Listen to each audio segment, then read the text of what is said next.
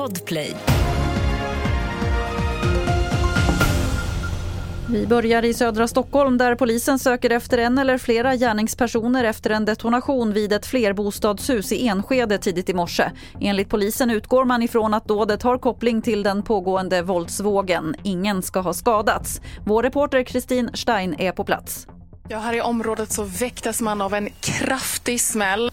Balkongen längst upp buktar ut och en bit av taket har lossnat. Och, eh, jag har pratat med några vittnen, bland annat en familj som eh, var på väg till förskolan helt förskräckta över att det här har hänt.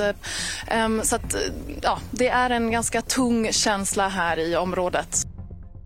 Kustbevakningen utreder brott efter fartygsolyckan söder om Karlshamn igår. Oljeutsläppet från passagerarfärjan Marco Polo är värre än vad man först trodde och oljan driver nu mot en känslig kuststräcka. Idag fortsätter det svåra arbetet med att bekämpa utsläppet.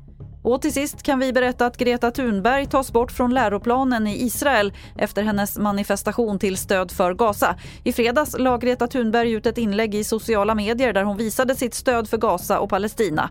Enligt israeliska utbildningsdepartementet är hon inte längre en lämplig inspirationskälla för eleverna. Fler nyheter finns på tv4.se. Jag heter Lotta Wall.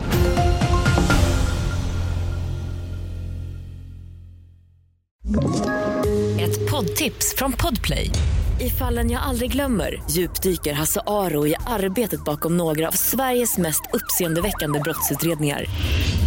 Går vi in med hemlig telefonavlyssning och, och då upplever vi att vi får en total förändring av hans beteende. Vad är det som händer nu? Vem är det som läcker? Och så säger han att jag är kriminell, jag har varit kriminell i hela mitt liv men att mörda ett barn, där går min gräns. Nya säsongen av Fallen jag aldrig glömmer på Podplay.